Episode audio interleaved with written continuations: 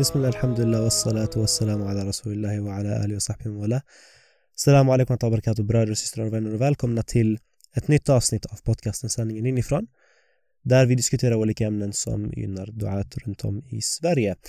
Dagens ämne är Kan vetenskapen motbevisa Guds existens? Och innan jag går in i detta vill jag bara snabbt förklara ett litet misstag jag gjorde i förra avsnittet då vi diskuterade de moraliska problemen med darwinismen och då hade jag nämnt eh, något felaktigt eh, gällande Atabenga som blev tagen till ett eh, zoo.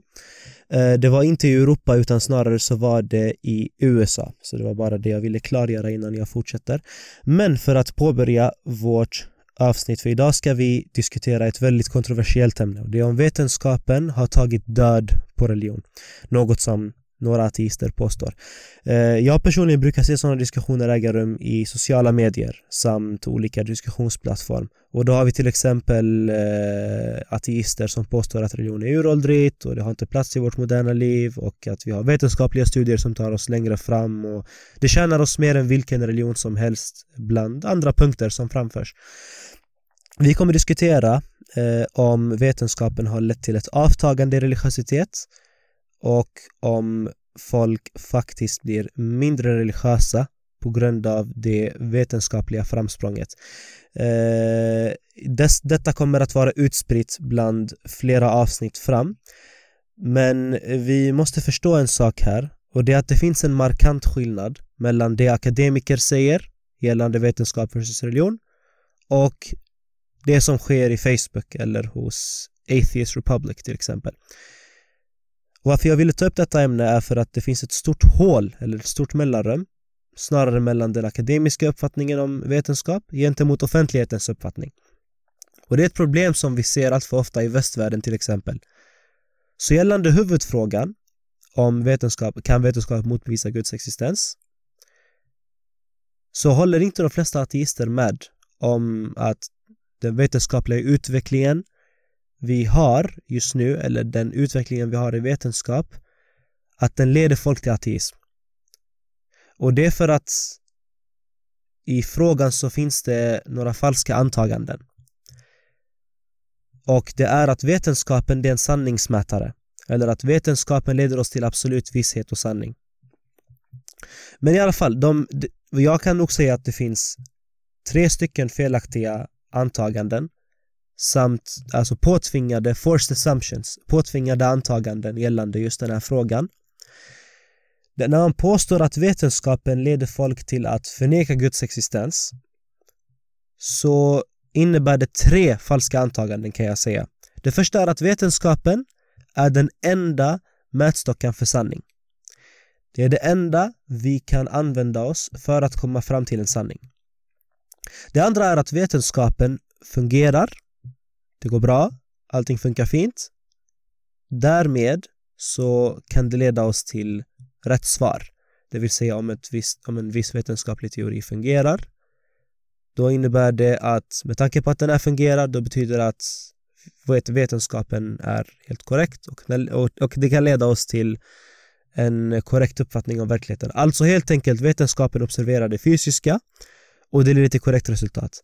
Och därför, man, eftersom man inte kan observera ett metafysiskt bi som Gud för att komma fram till ett visst resultat Därmed så finns inte Gud. Det är en konstig logik, jag förstår, men det är ett antagande.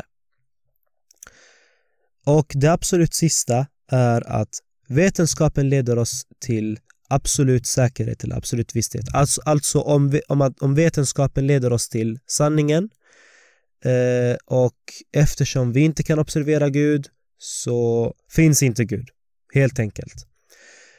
Så innan jag går igenom dessa antaganden tänkte jag bara diskutera vad vetenskapen egentligen innebär rent generellt. Vetenskapen är inte bara det man observerar. Observationer krävs för att vetenskapen ska fungera, jo. Men vetenskapliga teorier och slutsatser är inte bara vetenskapliga observationer. Till exempel, jag ser solen, eller jag ser att jorden är rund.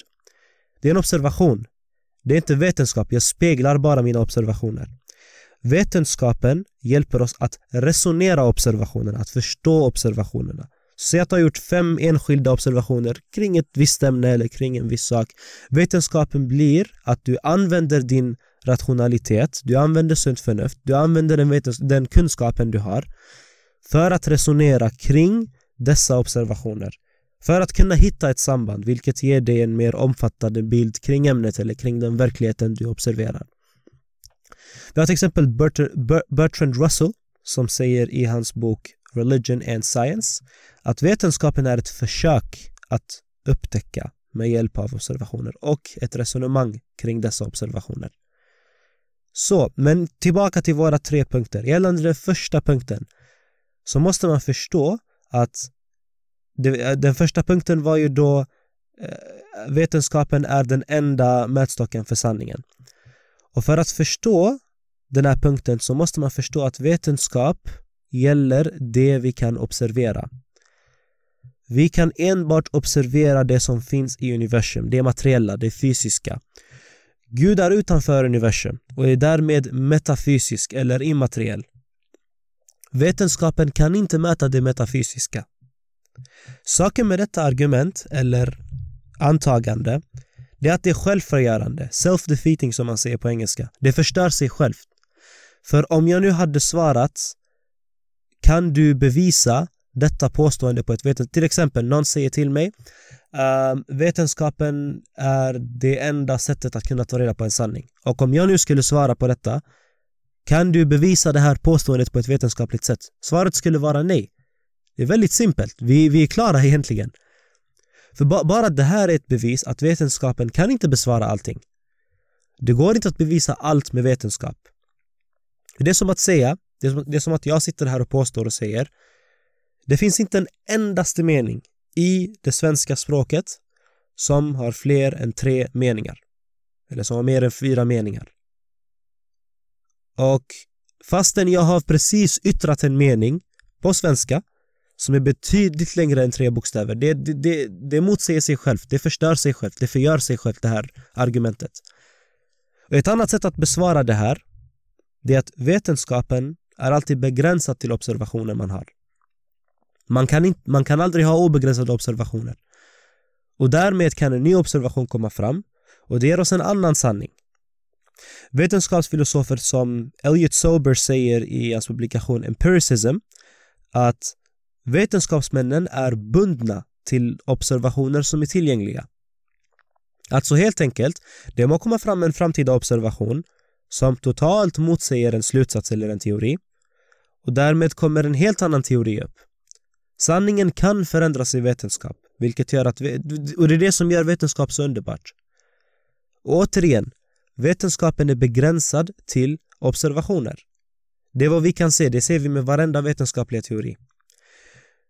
Sen så finns det också nödvändiga logiska sanningar och de går inte att observera, de går inte, att mot, de går inte heller att bevisa vetenskapligt. Men ändå är de sanningar. Så antagandet att det är den enda mätstocken för sanning det innebär att, logis, att vetenskapen alltså är den enda mätstocken för sanning. Det innebär att logiska sanningar som egentligen vetenskapen är beroende på, de är inte sanningar längre. Sen finns det andra sanningar, andra sanningskällor, till exempel moral. Vi har morala sanningar. Vetenskapen är dessutom moralt neutral. Till exempel om du nu läser i nyheterna att en eh, 50-årig man dödade ett sjuårigt barn. Det första som slår i tanken, förhoppningsvis, att det här är helt fel. Det är, det är fruktansvärt, det är hemskt.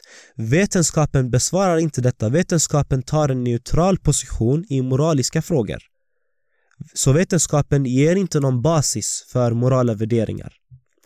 Ett exempel för detta kan man ta från Darwins publikationer eller Darwins studier där han själv har sagt om vi nu var uppfostrade eller om vi var i samma miljö eller i, i en miljö med samma förhållanden som i bikuporna så hade det varit helt acceptabelt och helt OK att döda våra syskon och våra fertila döttrar till exempel. Eller om vi hade vuxit upp i precis samma förhållanden som hos vissa hajar så hade våldtäkt varit helt acceptabelt, det hade varit helt okej. Okay. Så förutom morala sanningar, vi har också andra sanningskällor. Vi har dessutom vittnesmål. Så vittnesmål behöver inte vara vetenskapligt för att det ska vara sant. Egentligen en stor del av vetenskap beror på vittnesmål. Vetenskapsmän utgår från tidigare vetenskapliga teorier och slutsatser fastän man inte har utfört alla experiment. Alltså, för att sammanfatta, antagandet att vetenskapen är den enda mätstocken för sanning, det är helt falskt. Det stämmer inte. Så nu till det andra påståendet.